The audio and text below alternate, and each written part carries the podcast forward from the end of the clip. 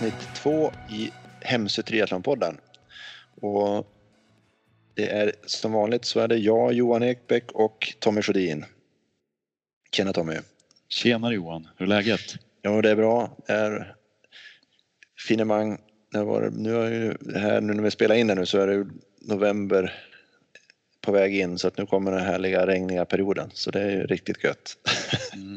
Här uppe i Härnösand så har det varit riktigt eh, regnigt och mörkt nu eh, ett par dagar. Jag vet inte hur det är nere i Göteborg men Ja, det är samma. Det är samma. det är samma. Okej. Mm. Jo, vi kanske ska säga också presentera oss lite kort. Eh, Jag då, Johan Ekbäck, bor i Göteborg. En glad motionär, håller på med triathlon, tycker det är jättekul. Och du Tommy? Eh, ja, jag bor i Härnösand då, som sagt och eh, jag är också en glad motionär, håller på med triathlon sedan åtta år och tävlar för Hemsö IF triathlon. Och, eh, men jag gör inte bara triathlon utan både du och jag, vi pysslar ju med de flesta idrotter och även äventyr som vi ska prata mer om idag. Eller hur? Precis, precis. Det här avsnittet är ju en liten, inte en avvikelse, men lite annorlunda. Vi, det är, vi skulle kunna kalla det här som ett litet specialavsnitt. Då. Det kommer att handla lite mer om rörelse och motion och lite mer äventyr. För du har ju varit, gjorde ju en väldigt häftigt eh, cykeläventyr i, i somras och det var det jag tänkte vi skulle prata om lite grann idag. Precis. Eh, det är ju det som avsnittet handlar om och vi har väl döpt det här eh, avsnitt nummer två till eh, cykeläventyr eller Tommys cykeläventyr. Precis, Tommys cykeläventyr. Och det, det, jag, tycker, jag ser fram emot det. Det blir jättekul att, att, att gå igenom det här igen. Jag har ju heller liksom inte fått höra alla detaljer så jag hoppas att få höra lite mer detaljer om, om det här. Liksom. Eh, så, Ja, det, ska bli, det ska bli jättekul att berätta. Jag kan ju säga att jag har ju, jag har ju suttit och tittat i min eh, dagbok som jag skrev ifrån den här månaden när jag var ute på cykel.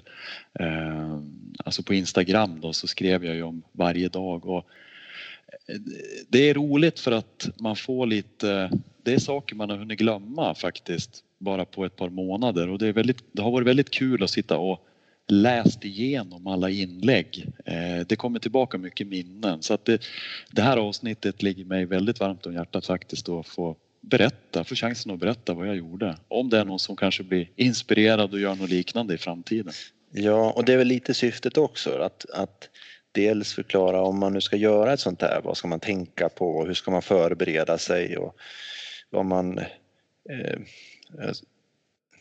all, allt, allt som man, som, om man nu vill göra det här, för det är ju, det är ju en häftig grej. Jag har ju själv blivit ju väldigt sugen och inspirerad när jag fick höra och se liksom det du gjorde. Så att det är väl det det ska handla om och så kanske får vi höra några roliga detaljer också.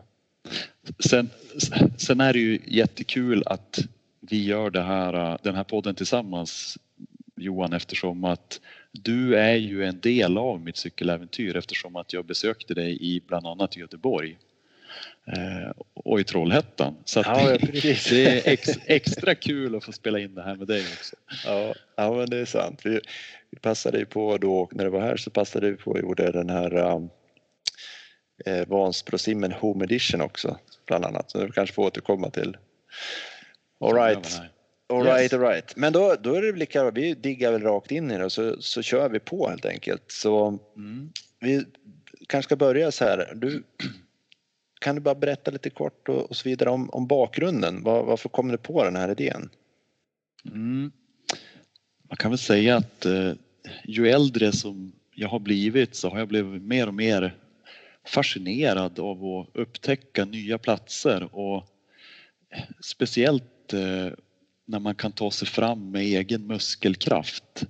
Det är någonting som jag har känt mig mer och mer eh, intresserad och fascinerad av. Och man kan väl säga att jag började att cykla i samband med att jag började med triathlon för åtta år sedan och då var väl cykeln egentligen mest en, eh, ett verktyg för att träna. Mm. Eh, Men ganska snabbt så upptäckte jag att cykeln är även ett verktyg för att kunna alltså upptäcka nya platser och ta sig ganska långt Mm. med, ja, med egen muskelkraft. Eh, bland annat så i cykel, lokala cykelklubben här så brukade vi inför Vätternrundan, många som tränade eh, på helgerna och körde lite längre pass, distanspass, så cyklade vi upp till Sollefteå. Det är ju en ungefär 10 mil enkel väg så det vart ju en 20 mila runda.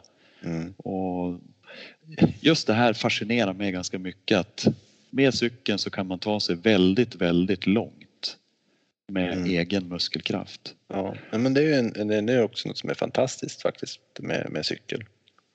Sen kan man väl säga att den här äh, äventyrsidén och komma iväg och upptäcka nya delar av, av världen, den, den väcktes väl egentligen dels av en kollega på jobbet som eh, cyklade, det här är kanske tio år sedan, han cyklade från Treriksröset till Gibraltar. Eh, och eh, cyklade första delen då, jag tror att han började i april, han var ledig en månad. Ja. Jag cyklade på, om det var mountainbike första biten, det var ju snö, snöigt och kallt och sådär. Ehm, och sen i Sundsvall så bytte han till en racer och sen cyklade han. Men det var mera liksom av en sån här kontokortscykling. Alltså han cyklade näst, med minimalt med packning och eh, jag, jag har för mig att han tog in och bodde på vandrarhem och ja. köpte nästan all mat han åt. Han gjorde liksom ingen mat själv och så. Lite mer deluxe. Precis. Eh, sen har jag ju blivit väldigt inspirerad utav en tjej från Sundsvall som heter Fredrika Ek som mm. Eh, cyklade runt, runt jorden. Ja, just det. Och hon var ute i tre år. Och det, det, det, är ju, det är ju eh, väldigt extremt att göra en sån grej. Ja. Som ensam person cyklar runt hela jorden. Då. Men, men där någonstans föddes eh, det här intresset för att cykel, en cykel, eh, egentligen så är det ju cykelavstånd till precis vart, vart som helst. Om man ska ja. hårdra det. Ja, men det, det där är också, ja, allt är relativt i och för sig. Då, men... så är det. Eh, jag kan dra bara en kort, kort grej. För jag tror att det är åtta år sedan så gjorde jag och två kompisar så cyklade vi från Härnösand till Trondheim. Eh, på tre dagar var det. Första stoppet i Stugun, andra stoppet i Duved och tredje då i Trondheim. Mm. Och sen var det så att våran, vi var två som cyklade och den tredje kompisen han ville inte cykla men han ville hänga med så han mm. hade en husbil och då var det perfekt för då kunde vi cykla på dagarna och så sov vi i husbilen de här kvällarna. Då. Eh, och, och han hade även gjort upp Eh, tänt grillen och lagt eh, ölen på kylning i någon, i någon bäck eller å där vi slog läger för natten. Så det var ju en fantastisk eh, prova på äventyr kan man säga. Mm. Man kände att det här är ju faktiskt möjligt att göra fast i lite större format och vara borta lite längre än de här mm. tre, tre dagarna. Så ja, det, det är väl lite bakgrunden. Sen kan jag också tillägga att jag, jag bor i Härnösand men jag jobbade under en period i, i Timrå Mm. Och eh, då brukade jag cykla till och från jobbet. Men då kan man inte cykla via E4 för det, Nej, det är mitt, ja, mitträcke och, och, så vidare. Eh, så då fick man ta en annan väg som gick eh, över en, ett berg. Eh, jätte, jättedålig asfalterad väg. Men eh, det gick att cykla men det tog, det tog en timme och 45 minuter ungefär enkel väg då. Mm. Och eh, ofta när man cyklade tidigt på morgonen eller sent hem, eller sent men efter jobbet hem så man såg mycket olika djur. Eh, vädret kunde vara lite utmanande på våren och mot hösten. Mm. Eh, och ibland så tog jag lite andra vägar så det vart lite längre. Eh, och egentligen motorn i allt det här det är ju nyfikenheten. Nyfikenheten på att upptäcka nya platser och nyfikenheten på på äventyret på något sätt. Ja, för det är väl också just att, att, att eh, få cykla på nya, det tycker jag ju själv, liksom, det är alltid roligt liksom att springa eller cykla på helt där man inte var, vad ser det ut bakom nästa krön och så vidare. Det är ju, det är ju en, en, en härlig grej. Eh, så, Exakt. Det blir ju en helt annan grej om man mot för när man åker bil liksom, att man, man upplever det där mycket på, mycket på ett helt annat sätt. Så jag förstår precis vad du menar på det. Sen eh, kan jag också tillägga att den här drömmen om att göra det här cykeläventyret någonstans eh, någon gång, den har ju funnits väldigt länge men samtidigt så har jag varit aktiv triatlet och lagt mitt Mm. fokus på att tävla i triathlon. Mm. Eh, och det har gjort att jag har hela tiden tänkt att jag får göra det här sen när jag är klar med triathlon. och eh, det här sen det har ju aldrig riktigt kommit förrän i år. Ja, alltså det, man måste, det är ju det jag tänkte. Det är ju vilken möjlighet egentligen. Och det, det du tänker på är, är coronabiten. Allting blev ju för alla som håller på med någon form av tävlingar eller idrott så blev ju sommaren inte riktigt som, som det var tänkt och det är väl det du menar liksom att nu, nu, nu om eh, eller aldrig nästan, nu är det perfekt att göra sådana här saker. Exakt. Eh, Nej, men det var två jättegoda vänner här hemma som eh, jag satt och pratade med varav en, en av dem har, har rest väldigt mycket runt i världen och Eh, den andra har, har rest tidigare men nu stadgar sig. Men båda de tyckte att eh, om du någon gång kom, liksom ska göra det här så nu har du chansen. Du har ingen triathlon-tävling, allting är inställt. Eh, Du har fysiken förhoppningsvis för att klara av det. Du har det mesta av utrustningen så att kör bara, kör. Mm. Ja. Men om man då går in lite grann på så här, du har ju varit inne på det med varför och så vidare, men, men, men eh, du berättar lite kort om den biten så vi ska, jag tänkte vi ska komma in lite på eh, försöka smyga över lite på planeringen och utrustningen och så vidare. Eh, Mm. eh, du kan väl berätta lite grann om, om Alltså varför man gör en sån här grej. I, I mitt fall så handlar det ju, det är äventyret såklart. Det är Mm. det man vill åt. mm, Eh, ramen för resan, alltså rutten, den var ganska tydlig och klar vart jag skulle cykla. Men vad fyller man resan med? Vad fyller man liksom innehållet med? Vad kommer hända? Vilka kommer jag att träffa? Eh, kort sagt, vilka äventyr kommer jag få vara med om? Det var det som var drivkraften till det här. mm, Eh, sen kan jag inte sticka under stol med att det är ju alltid häftigt att se hur långt kan man cykla liksom? Eh, vad klarar kroppen av och vad klarar huvudet av? mm. Eh, och se det. Många, chokladboll, hur många chokladbollar man kan äta. Ja men precis. Eh, k- Kunna äta snuskigt mycket skräpmat. Det är också en stor anledning. ja. Chokladbollar, chips, läsk med mera. Bara vräka i sig och du går inte upp i vikt. Så det är väl också en, en anledning till att cykla så här mycket. Men, nej, men ja, precis. Varför? 50 procent cykla långt, 50 procent mötet med människor. Mm. Om man då, när du liksom, när det väl hade kommit så långt och liksom, nu, ja, nu, nu kör vi det här. Eh, hur, berätta lite om, om hur gick du sen till nästa fas med planeringen och så vidare. Alltså grejen var att jag har ju cyklat mycket eh, tränings och tävlingscyklat men jag kan inte speciellt mycket om långfärdscykling. Mm. Eh, Men jag är ju medlem i en cykelklubb, Höga Kusten Cyklisterna eh, och där finns det en kille som heter Lasse Olausson som har mycket erfarenhet av att cykla eh, på höjden och bredden och tvären höll jag på att säga. Men Ja. han, han har gjort många långfärdscyklingar. Jättetrevlig kille och Mm. eh, jag vände mig till honom och fick lite tips på en ungefärlig rutt, eh, vilken utrustning man bör ha och eh, lämplig cykel. Mm. Och eh, han tipsade mig att välj, är det första gången du cyklar, välj södra Sverige för där är det närmare mellan städerna och samhällena. Det finns mera att se så att säga. Mm. Ja. Och ta gärna bilen ner till södra Sverige så du slipper att cykla den här långa transportdelen härifrån. Det, är liksom, det skulle Ja. bli halv, halva resan om jag hade cyklat härifrån.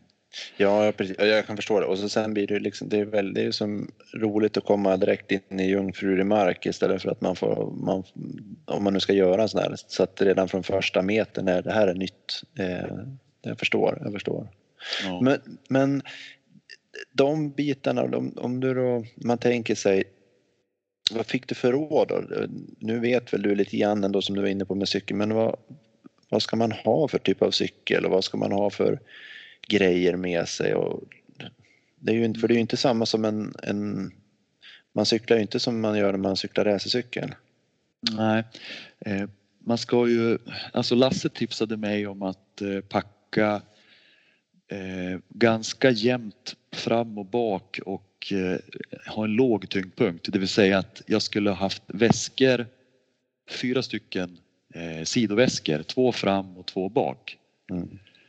Nu valde jag att bara ha väskor bak eh, mm. för det hade blivit ytterligare en investering för mig eh, att kunna fästa väskor fram på min cykel också och eh, därför så valde jag bort det.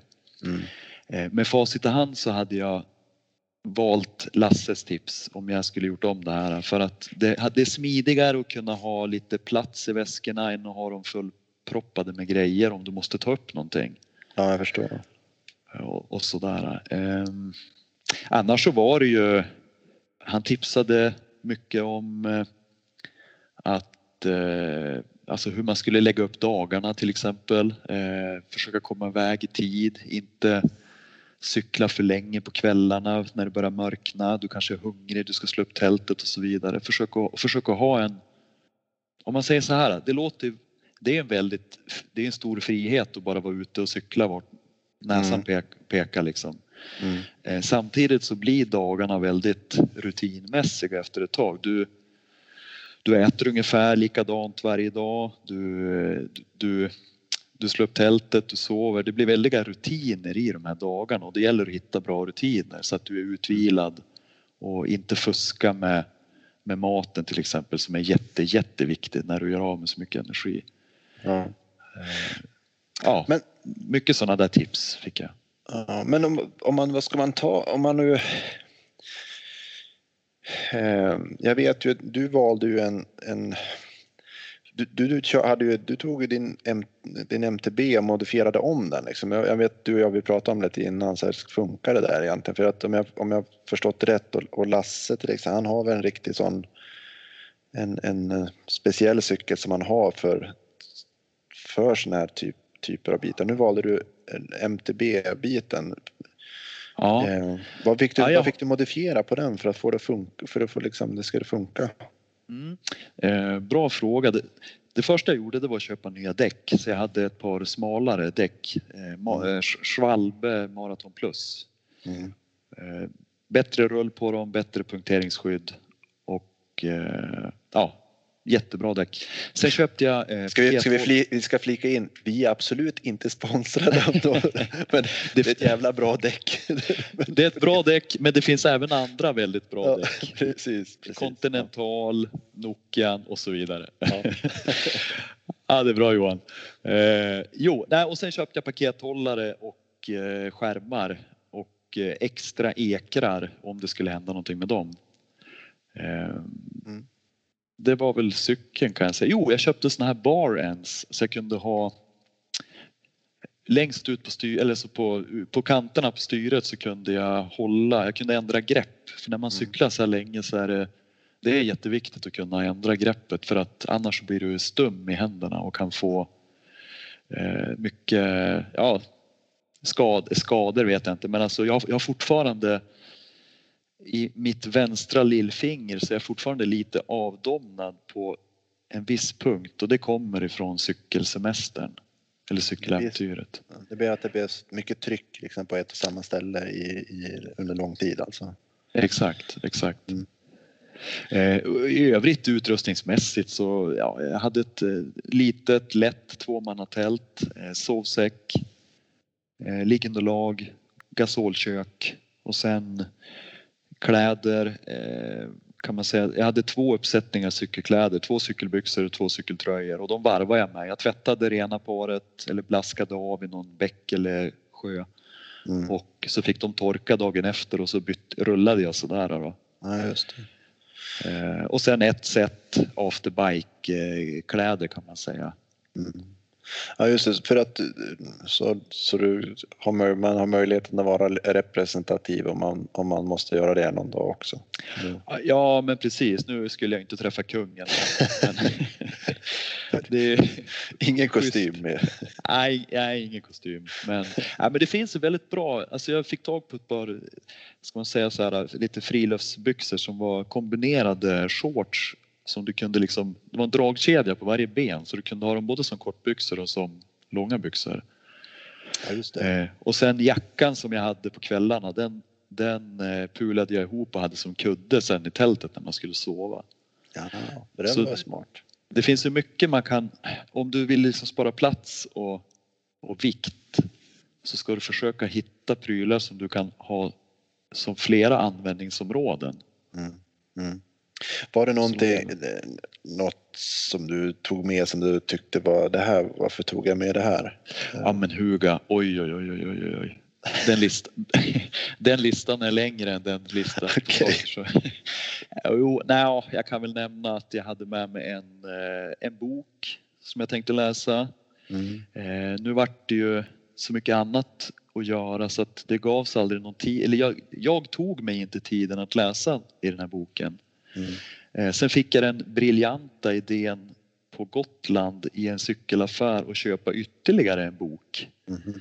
Så jag, hade, jag släppte runt på två böcker helt i onödan.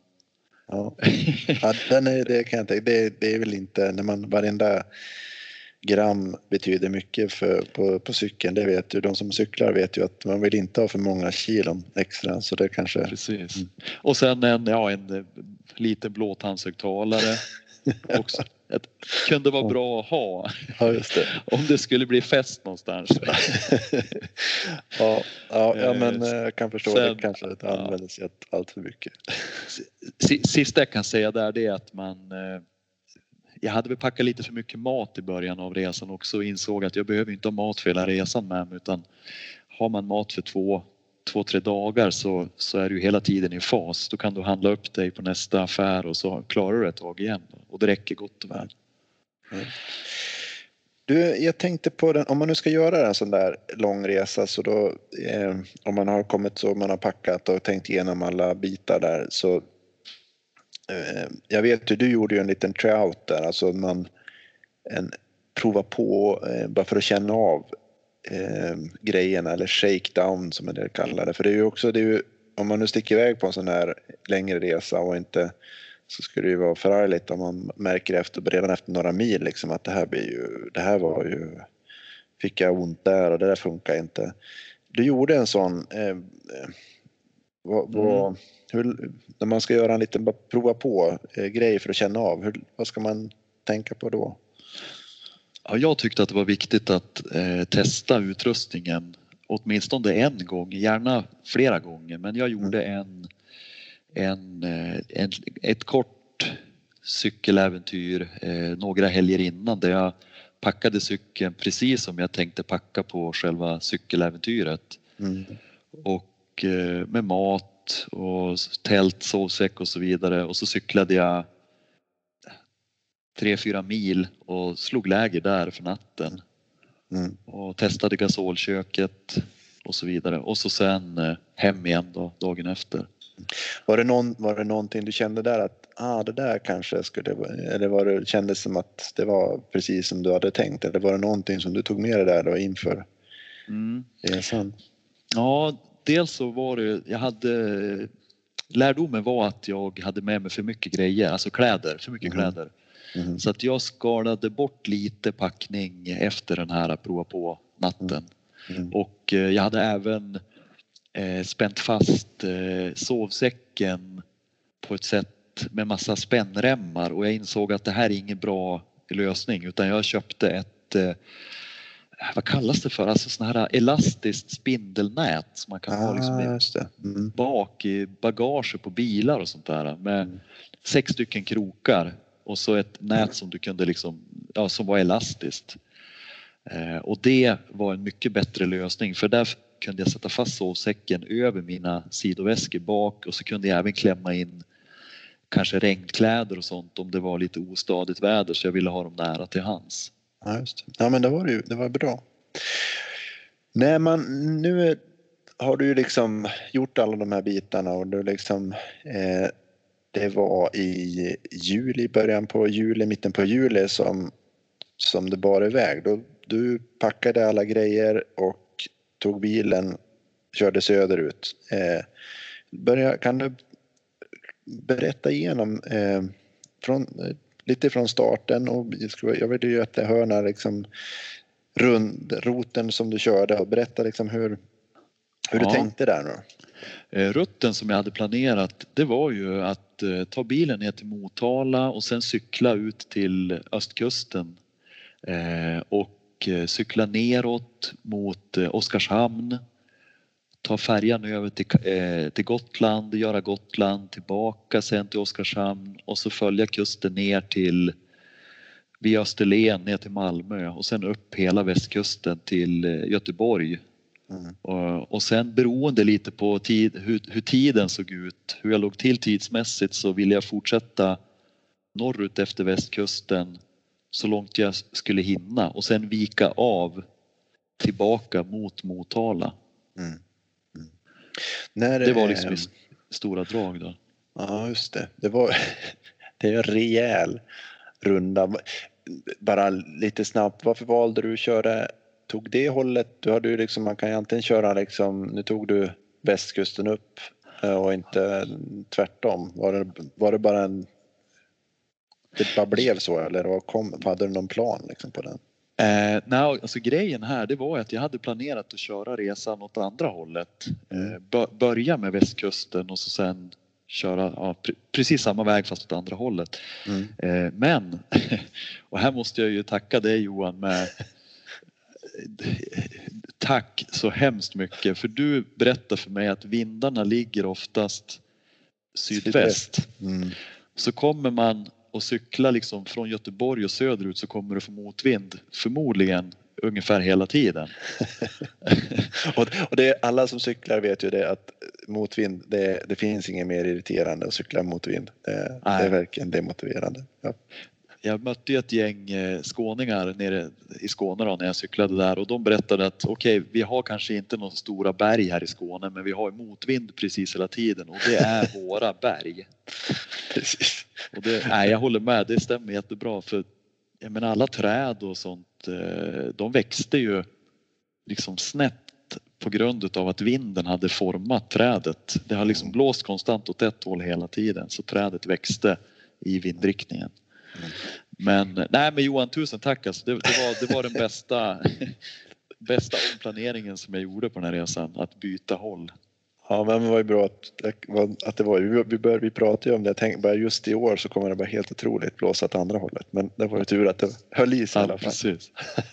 eh, sen kan jag väl nämna också att jag hade en regel innan jag stack iväg och det var att mm. eh, jag skulle sova i tältet alla nätter. Det var tanken. Mm.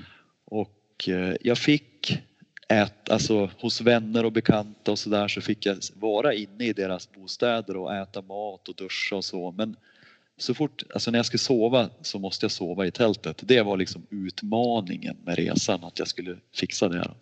Och det höll ju, det var imponerande för att det, jag försökte, jag vet ju, du stannade någon dag här i, hos oss i Göteborg och vi försökt göra allt för att få dig att skulle sova inomhus men nej, du sov i tältet och det, det var... Ja, det var viktigt. Det, det var jätteviktigt att göra det. Jag förstår det. Förstår det. Men då när, ja. när du kommer dit liksom, och jag tänkte bara tillbaks innan start, berätta oss igenom lite grann. Vi, eh, när du startade där, hur kändes det när man drar iväg där och du liksom parkerat bilen och liksom nu börjar vi köra.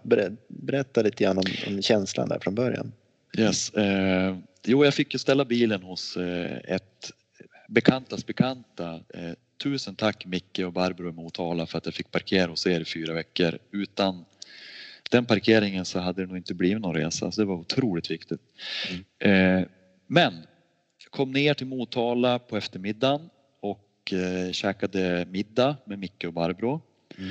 Eh, sen så packade jag cykeln och eh, då var känslan i kroppen otroligt, vad ska man säga, pirrig känsla, i fjärilar i magen. Mm. För nu var det dags. Mm.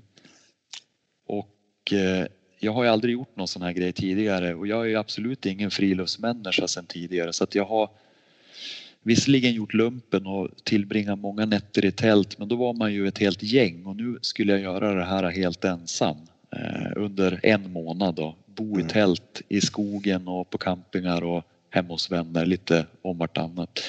Eh, det som hände var att vädret var strålande när jag vinkade farväl till Micke och Barbro och eh, cyklade ner till eh, till eh, Göta kanal Mm. Och efter ungefär 20 minuter så öppnade sig himlen och regnet vräkte ner Härligt, härligt. och det vart jättekallt och då jag tog skydd under ett träd och började känna att det här kanske inte var någon bra idé ändå. Jag, eh, jag söker upp närmsta hotell, sover där och sen så åker jag hem med svansen mellan benen och, och bryter alltihopa. Ja, jag förstår. Ja, det är klart. Men det kanske var tur att det, det börjar. Det ska vara lite jäkligt från början för då, då blir det bättre sen helt enkelt. Men jag, jag förstår hur du tänkte där. Det är väl inte Ja. så. var Det var som inte den tanken. visionen i huvudet som jag hade när jag liksom satt hemma och planerade utan det var ju strålande väder i Mm. varje dag och medvind och så vidare. Men hur som helst, det var ju bara att ta tjuren vid hornen och eh, eh, sätta på sig regnkläder och fortsätta trampa helt enkelt. Så du kom ganska så, eh, ganska så snart så var det dags liksom att eh, ta sig över till Gotland där. Kan du, den också Mm. liksom, hur var det? Gick det bra liksom bara åka, ta båten över och så vidare också? Funkar det? Ja, nej, men det funkar jättebra. Efter eh, världens största glass i Söderköping så tog jag mig ner till Oskarshamn och åkte färjan över. Mm. Och eh, är man, vad ska man säga? Jag hade inte planerat någonstans att sova på Gotland när jag kom över men är man eh, lite om sig och kring sig och, och så vidare så, så brukar det lösa sig på, på, på något sätt. Och på färjan så träffade jag ett annat, en cyklande familj som var i samma situation som mig som inte heller hade någon färdig sovplats. Och vi skulle komma fram 20 över 12 på natten till Gotland. Mm.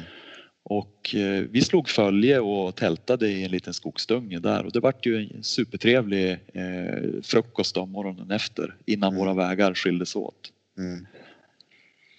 Och ja, jag vet inte. Allt det här, eh, vi kommer tipsa sen om vart man, om man vill läsa om hela cykeläventyret som jag har skrivit om på min Instagram. Jag har Mm. skrivit en dagbok där. Så är ju det på Tommys cykeläventyr, alltså hashtag Tommys cykeläventyr. Men jag tänkte, jag, jag skulle kunna gå igenom några händelser på cykelresan, saker som Ja, jag Ja, men gör med det. om. Precis, för det är ju också det är ju roligt liksom. Det, är ju, här är ju egentligen otroligt många händelser så att det finns ju så mycket att prata om. Men gör gärna det. Jag ska, det är ju roligt att, att eh, höra. Eh, absolut, så det vill vi höra. Jajamän. Eh, ja, men som sagt, man, man kan ju tycka så här man sitter på en cykel sju, åtta timmar. Det händer väl inte så mycket men eh, det gör det faktiskt. Och eh, är man ute en månad så hinner det hända väldigt många saker. Och några av grejerna som jag, händelserna som jag skulle vilja lyfta här på den här podden det är ju bland annat om vi pratar Gotland så fantastiska solnedgångar på Gotland när jag Mm. var där. Eh, dels hemma hos en gammal eh, klasskompis och fotbollskompis, eh, Henrik Frånlund. Solnedgången den kvällen när jag anlände till deras gård, den var grym. Mm. Men även någon kväll senare ute vid kusten mot, med utsikt mot Stora och Lilla Karlsö. Mm. Och Häftigt. även sista kvällen så tältade jag vid färjeläget. Eh, en bit ifrån färjan för jag skulle åka färjan väldigt tidigt Mm. och nu var det ju eh, i och för sig kanske i en nationalpark där man inte får tälta men, men jag tältade väl alldeles på gränsen kan man säga. Så, Just det. Ja, Jag minns vi pratade, du och jag pratades på telefon tror jag just där någonstans om jag kommer ihåg rätt. Att det var väl precis innan du skulle iväg på Ja. färjan tillbaks. Nej, men det, det är jättehäftigt och man, som sagt man är ute så här, man, man kommer otroligt nära naturen och eh, du får ju se väldigt mycket som man kanske inte lägger märke till när man är hemma och vardagen rullar på. Mm. Eh, Så det, ja, det är väldigt svårt att förklara så här på podden men jag kan bara säga att det var otroligt vackert när solen brinner liksom och går ner eh, borta i horisonten och du ser havet och du ser öar och även eh, kanske en färja som är på väg in och ska lägga till i hamnen. Det är ja, väldigt här- häftig, Härlig känsla. Ja. Mm. härlig känsla. Eh, ja, nej, sen fortsatte ju resan då från Gotland och tillbaka till fastlandet och eh, söderut förbi Kalmar ner till Karlskrona som var fantastiskt vackert. Eh, otroligt glad att jag fick tillbringa en natt i Karlskrona på, där inne då. Mm. På camping faktiskt den natten. Ja. Jag minns, där, du har väl där har du också lagt ut lite bilder där på, på din Insta, Instagram-sida när man kan titta. Det är ju jättefint. Var, jag tyckte det var jättekul själv att få följa liksom när du ser. Hoppas att Tommy lagt ut någonting idag igen som man fick se. Det är ju jätte, det är roligt verkligen och fina, fina grejer. Ja, och det är lite kul att du nämner det. Jag är absolut ingen eh, person som är superaktiv på sociala medier och så, men eh, jag kände att jag vill ju bevara minnena från den här resan så jag själv kan gå in och läsa om, Mm, om några år till exempel. mm, Eh, och eh, när jag märkte att eh, kompisar och du och lite annat folk eh, var in och gillade och kommenterade och, och sådär. Då vart man ju lite taggad att fasiken, jag måste ju fylla de här dagarna med, Mm. med liksom bilder. Man kan lägga ut tio bilder, ja, men då vill jag lägga ut tio bilder och Mm. maximera ja. eh, berättelsen på något vis. Ja. Så att det var ju lite sporrande sådär. Mm. Yes, sen vidare mot eh, Malmö, ja, alltså det var ju det. Jag tänkte bara så här, du, du, det är sant, jag, eh, du hade ju, det blev ju inget eh, Malmö triathlon, men det blev det väl ändå? Precis. ja men det stämmer bra. Det var, grejen var ju att jag, jag, jag tävlar ju triathlon och eh, jag lyckades kvalificera mig till eh, EM i sprint triathlon i Malmö som skulle ha gått av stapeln i augusti nu då, i Mm. år 2020 men på grund av corona så, så blev det inställt. Mm. Och eh, då var ju också lite grann tanken att har jag cyklat till Malmö då tänker jag göra ett mini-triathlon i Malmö så att jag har gjort EM på mitt eget lilla sätt. Precis. Så det- Och det finns bevis på det också, eller hur? Jag är där på... ja, det stämmer. Jag, eh, jag gjorde ju det som ett Instagram-inlägg att nu gjorde jag EM här i Malmö fast på mitt eget sätt och det var ju lite kul för att när jag spelade in det här så, så gjorde jag väl någon omtagning och, och så vidare och det var rätt mycket folk ute där på kvällen eh, eftermiddagen i Malmö som badade och satt och solade och sådär och de undrar nog vad jag höll på med. Som... Han var inte bra den där killen. Nej, han var inte bra. ja, det är kul. Mycket roligt. Det tycker jag det är värt att se för er som om ni går in på den så tycker jag det, det är väldigt kul att se för Tommy har spelat in eh, så att det är riktig action faktiskt med både T1 och T2 är med på, på detta. Så det är värt att se. Men och så sen eh, där i, i Malmö, sen då började du gå, vända om och gick, eh, hade gått, börjat gått norrut då igen eller upp efter kusten då. Mm. Yes, det stämmer. Och eh, då eh, dels så har jag en bror i Halmstad så det vart ju ett stopp på på eh, Tylösand också såklart. Mm. Och en liten eh, casting för Baywatch. Ja just det. Härligt. Men det var, väl, var det till och med slow motion? Eh, nej, var det slow motion bilder till och med där? Eller? Om jag Ja, det- rätt. Ja, det var hela kittet. Det var slow motion och det var The, The Hoff som sprang över stranden med eh, musiken också. Ja. Just Yes. Eh, sen, ja precis, sen så sakta men säkert så tog jag mig uppåt och kom ju till slut till eh, Göteborg. Ja. Eh, Efter ett kort stopp i Hindås, en Ja. bit inåt landet mot Borås. Jag fick, jag förmånen, ja, men jag fick ju förmånen att möta på dig när, när du kom, kom dit också så det var ju jätte, jättekul. Ja, det stämmer det. Och det var, det var ju jättekul att du kom dit och det var bra att du kom dit Johan för att grejen var att jag hade ju cyklat då mot Göteborg och sen vek jag av in mot Hindås. Mm. Och det blir ju en liten extra sväng på 10 mil ungefär. Ja, lite drygt till och med. lite drygt. Men det här var viktigt för mig för att eh, jag hälsade på en person som jobbar på Svenska Triathlonförbundet, mm. Lotta Johansson och mm. eh, vi hade haft kontakt eh, för att jag är engagerad i triathlonföreningen här hemma i Härnösand, i Hems IF Triathlon. Mm.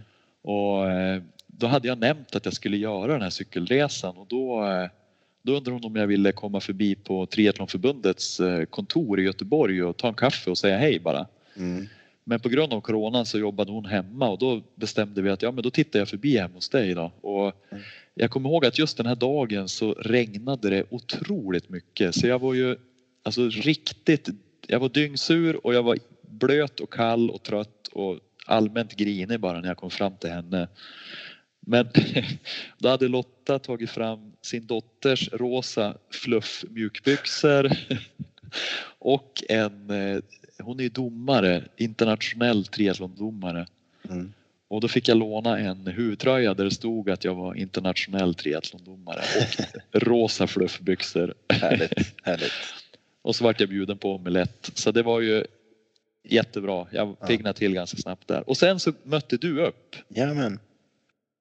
Och det, jag kan inte, det, blå, alltså det var ju inte bara att det regnade, det blåste ju också någonting. Så det var ju riktigt skitväder faktiskt. Så jag tyckte synd om det då, för det var, inte, det var inte kul liksom när det var, sånt väder. Nej. Uh, men, då var jag trött för sen när mm. vi cyklade från Hindås och hem till dig i Göteborg. Mm. Hade inte du varit med då hade jag inte cyklat något fort. Det hade tagit dubbelt så lång tid tror jag att tagit med den sträckan. Mm. Men på grund av att du var med så fick jag lite mer energi och liksom lite mera geist och cyklade på rätt bra ändå. Ja. Vi drog ju igenom, det är ju faktiskt genom hela, från toppen på Avenyn, vi var ända uppifrån eh, där och genom Avenyn också.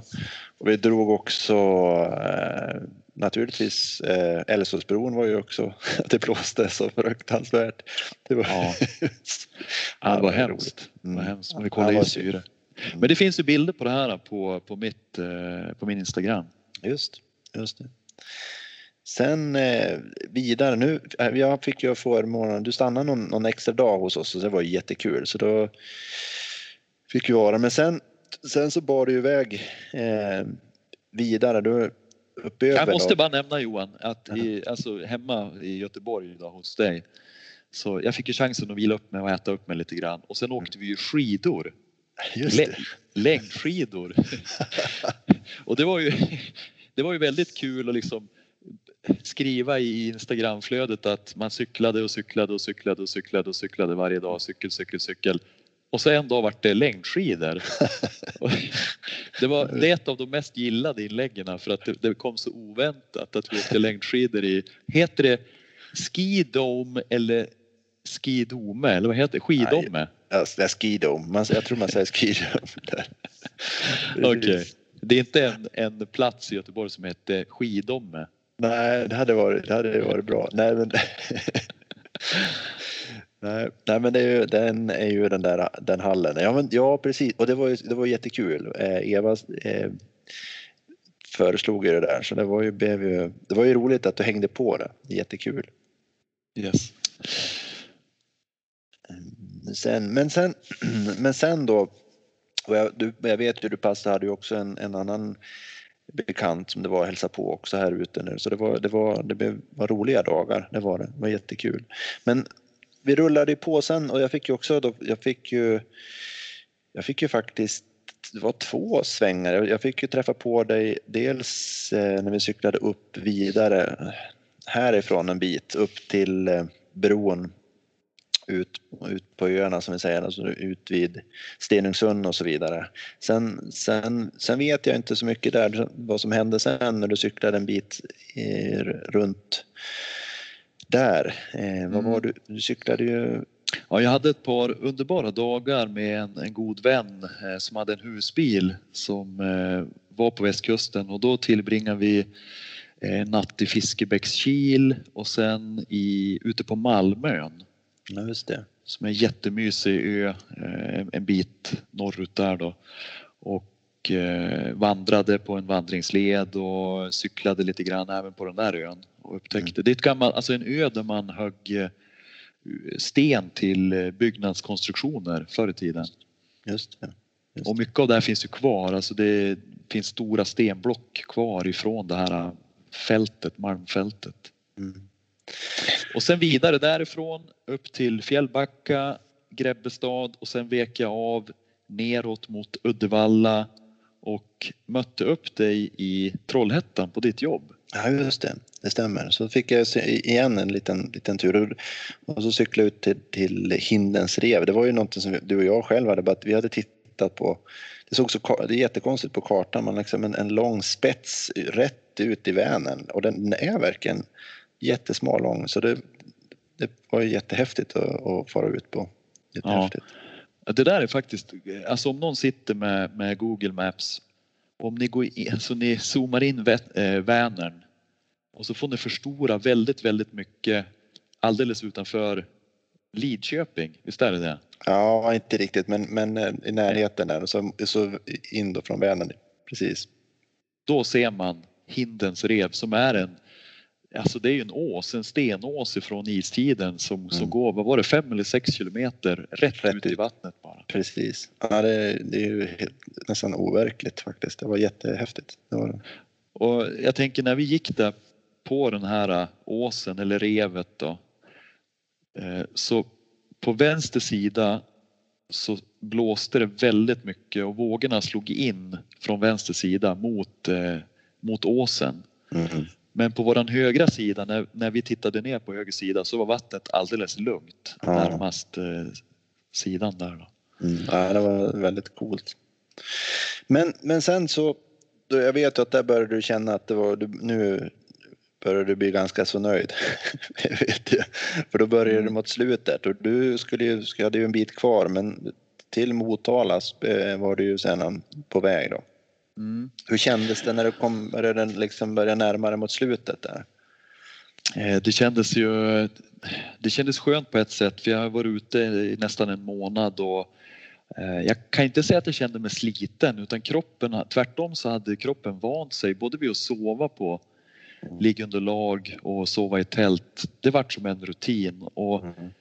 Eh, vad ska jag säga, viktmässigt så jag tror att jag gick ner, första veckan gick jag nog ner två kilo kanske, två, tre kilo. Mm. Eh, men sen så vart det, sen stabiliserade sig och så låg mm. jag på samma vikt hela tiden. Och, eh, så på det viset så, så kändes det ju liksom lite, ja, man hade kommit in i en rutin. Men det är klart att det känns ju skönt att komma hem till vänner och civilisationen igen så att mm. säga. Mm. Eh, och ja, jobbet och komma in i rutinerna lite grann. Mm. Så, så det var både lite tråkigt att resan snart var slut och alla roliga äventyr också var slut men skönt att komma in i vardagen igen. Hur, många, hur, hur långt blev, tog, skrev du ner, hur långt blev sträckan som du cyklade? Mm. Eh, jag har ju lagt in allting på Strava Eh, jag räknade ihop det där till 258 mil blev det mm. och det innebär jag hade ju några vilodagar, bland annat i Göteborg och en, en dag i Malmö. Mm. Eh, men det innebär att de dagar jag cyklade så vart det snitt på 10 mil per dag och det tog, jag cyklade ungefär 20 kilometer i timmen med den här ganska tungt packade cykeln. Så det, mm. det var ju fem timmars Eh, ren, ren cykling, fem mm. timmar effektiv cykling. Mm. Det är klart att det blir efter Börjar man köra det några dagar i rad så, så då tar det på. Liksom. Det, får inte bli, det ska ju vara ett, ett äventyr, inte bara en, en, en plåga heller. Men Nej. sen är ju den intressanta frågan där eftersom jag, jag vet ju att eh, du älskar ju liksom jag, chokladbollar och du åt en hel del. Hur många chokladbollar blev det? Ja, jag räknar på det där. Jag tror att jag åt tre, tre per dag, så slutet på 30 dagar, så 90 chokladbollar kan man säga. Och var, syftet var att hitta den godaste chokladbollen, eh, den bästa chokladbollen i södra mm. Sverige. Alltså baserat på smak, pris, form, konsistens och så vidare. Men då, då måste du, då, då, vill vi, då vill jag ju veta var, var fanns den bästa chokladbollen? Ja, skulle jag basera det på storlek så hade ju eh, campingen i Töreboda vunnit för där var den som en handboll nästan och det behövde jag då för jag var så jädra hungrig. Men mm. slår man ihop alla faktorer så det här är ju tråkigt men de, de, de, de kan ju sin grej alltså. Delicato. Mm. Det är stabilt. Helt enkelt. Det är stabilt, jajamän. Tråkigt men, men så tycker jag. Ja. Om man nu säger så här, vi ska liksom, om du skulle ge lite, några tips, liksom, om man nu ska göra så här, lite grova tips. Vad bör mm. man tänka på om man ska göra ett sånt här äventyr? Mm, ja, jag har faktiskt förberett lite grann. Jag har skrivit ner några punkter som, som jag tycker är viktigt att tänka på om man ska ge sig ut på en, en längre cykelsemester. Mm. Och Eh, det första tipset är ju liksom din inställning och attityd. Ett, sätt, ett mindset, ett sätt att tänka. Mm. Och det innebär att det kommer att finnas eh, hinder på vägen. Det kommer mm. finnas faror. Men det är även det som gör att det blir ett äventyr. För har du inga hinder eller faror, ja, då är det heller inget äventyr utan då är det en, en, en vanlig semester helt enkelt. Mm. Ja men det är sant. Det är, det är en bra mindset, absolut. Eh, sen punkt två då. Eh, jag bodde i tält alla nätter och eh, jag kan inte säga att jag var eh, jättebekväm med det hela tiden utan det fanns ju alltid en liten anspänning om det skulle komma någon och mm. man får ju såna här bilder i huvudet att det ska krylla av yxmördare och så men, men det är ganska liten risk för det faktiskt. Mm. Mm.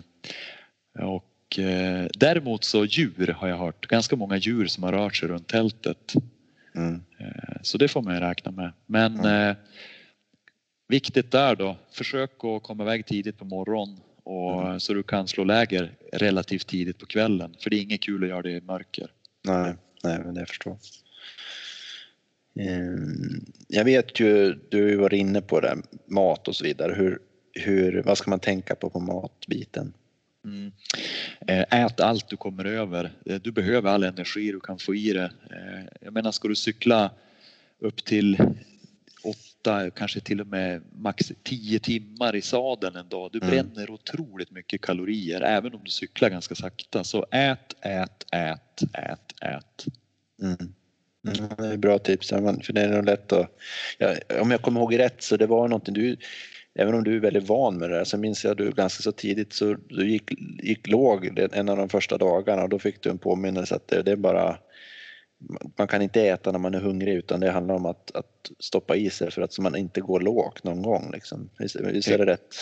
Ja, det stämmer. Jo, första dagarna där så hade jag en, en en eftermiddag när jag var jätte på dåligt humör och sådär. Och det var för att jag var låg på energi och som du säger, du måste äta redan innan och inte mm. vänta tills du blir låg. Mm.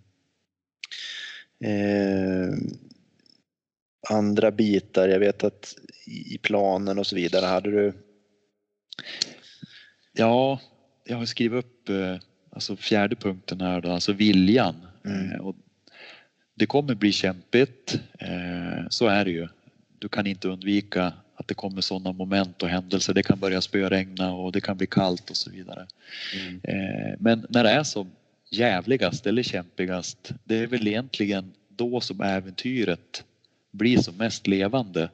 Mm. Och egentligen så vill du bara komma in i värmen men nu när man sitter så här i efterhand och pratar om Eh, sådana saker så är det ju de här utmaningarna som gjorde att äventyret blev just ett äventyr. Att det vart väldigt levande. Mm. Ja, sen vet jag, du, jag vet ju du och det är viktigt att man ska planera, man ska ha en, en, en plan och så vidare. Men jag, vet ju också du, det här med att man måste också ha lite luft för att kunna ha eh, hur, hur, hur ska man resonera där liksom? Ska man eh, för jag vet du, du hade ju ändå öppet för att hitta på lite aktiviteter och så också. Mm. Jag vet inte, alla gör säkert olika men min plan i alla fall det var att ha den här cykelrutten planerad i, i stora drag. Mm. Och jag, jag, hade räknat på att jag måste ha tagit mig till Göteborg senast det här datumet. Kom jag dit tidigare så har jag en lite utrymme att göra andra saker än att cykla. Mm. Eh, så har man en planerad rutt i stora drag då tycker jag att då finns det tid för spontanitet också och känner mm. man att man vill ja, men typ stanna lite längre på något ställe, då kan man göra det. Och, ja, jag har ett exempel. I Mörrum så skulle jag egentligen ha cyklat förbi Mörrum men eh, jag valde att stanna till där på kvällen. Det började bli lite sent och eh, där eh, mitt ute i skogen, mitt i ingenstans så stötte jag på två stycken unga tyskar mm. som också var ute på cykelsemester från Trelleborg till Stockholm skulle de. Mm. Kom från Hamburg och mm. 21 år gamla och var riktiga såna här äh, klubb, clubhouse-tyskar. de hade prioriterat bort maten för att ha en stor blåtandshögtalare istället.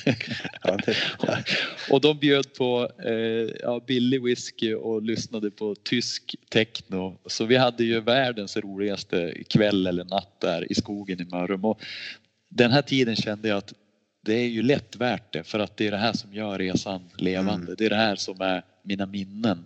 Mm. Eh, och jag har utrymme att, eh, att eh, planera om lite grann för att i stora drag så har jag koll på läget ändå. Mm. när man är inne på minne, jag menar du, du gjorde ju eh, eh en dagbok i form av eh, Instagram-bit och det var ju, dels var det ju för mig som var utifrån och för andra att det var roligt att följa men det är väl också ett, det är väl ett bra sätt att, att man när man gör något sånt här att man dokumenterar för det, det är ju det är väl lätt att man glömmer bort. Hur, hur tänkte du, hur resonerar du om den biten? Eh, ja, alltså jag tänkte så här att det, det är ganska märkligt att man, man tror att man har koll på läget men man glömmer ganska fort detaljer från olika mm. händelser. Mm. Och även om man tycker att man har jättebra minne så där så ganska snabbt så brukar detaljer suddas ut i min, i alla fall för mig. Mm. Och man börjar glömma ganska mycket grejer ifrån semestern och, eller från det här cykeläventyret. Så att jag, jag bestämde mig innan jag, alltså ganska tidigt innan jag åkte att jag ska på något vis dokumentera resan. Mm. Eh, för att sen då kunna plocka fram de här texterna och bilderna och få den här varma känslan i kroppen mitt i vintern när man sitter och tittar på det här hur varmt och skönt och kul det mm. var. Mm. Mm. När, man, när man är inne på den också då, när man, när man är där när allt är färdigt och det här är väl inget, det är inget att sticka under stol, alla som har gjort saker eller stora som man har laddat för, det blir ju när allt är över, det är, även om det är härligt så, så, så tar det ett slut liksom och det, det är ju också, det kan ju bli att man känner sig det blir ganska så tomt efter sådana här. Hur, hur, hur kände du när du var färdig med det? Fick det hur kändes det när det var klart allting? Mm. Jättebra att du frågar. Jag vet att folk brukar kalla det här liksom after uh, adventure depression. Mm. Det finns ett uttryck för det här och, och, jag kan inte säga att jag har blivit deprimerad efter resan. Däremot så, så tänkte jag dagligen på händelser ifrån resan under fler, alltså flera veckor efter att jag hade kommit hem mm. så tänkte jag på olika situationer och saker som hade hänt. Eh, saker som jag kunde liksom förnimma, någonting som liknade någonting jag hade varit med om på resan, på cykelresan. Mm. Mm. Eh, nu har det ebbat ut lite grann, nu tänker jag inte alls på det lika mycket men under säkert en månad så dagligen så tänkte jag på det och bara komma hem och sova i sin egen säng första nätterna kändes ju lite märkligt och mm. inte slå, slå upp tältet och alla de här bitarna. Det, låter konstigt nu. Alltså, människan är ju fantastisk på det viset att man är ju ganska anpassningsbar och mm. lika ont i ryggen som jag fick första fyra, fem nätterna i tältet på liggandelaget lika jag fick inte ont i ryggen när jag kom hem men man vänjer sig ganska snabbt vid den miljö man lever i. Mm. Så ganska snabbt så är man inne i vardagen igen. Då. Ja. Eh, ja, nej, men jag, jag, jag, förstår och det är liksom hur plötsligt så kan man, man sakna det där eh, motvinden eller tältet eller det var ju ganska härligt ändå. Kanske ja. förstå. Om man eh, säger så här, vi ska runda av lite grann där också. Där, eh, det, det, finns ju så mycket, jag vill ju fråga jättemycket om de här bitarna men man kan ju som sagt titta gärna. Det är jättekul att titta på ditt, på, på ditt Instagram. Då kan man läsa och följa de här bitarna. Men jag måste ju ändå ställa frågan. Har du, vad blir helt enkelt, vad blir nästa äventyr Tommy? Eh, om jag ska vara ärlig så har jag inget nytt äventyr inplanerat. Eh, det finns en dröm om att cykla i Europa Mm. och göra en längre cykeltur och kanske inte ensam utan att man cyklar, man är två stycken. Mm. Eh, Det är ändå lite tryggare när man är liksom tillsammans med någon annan.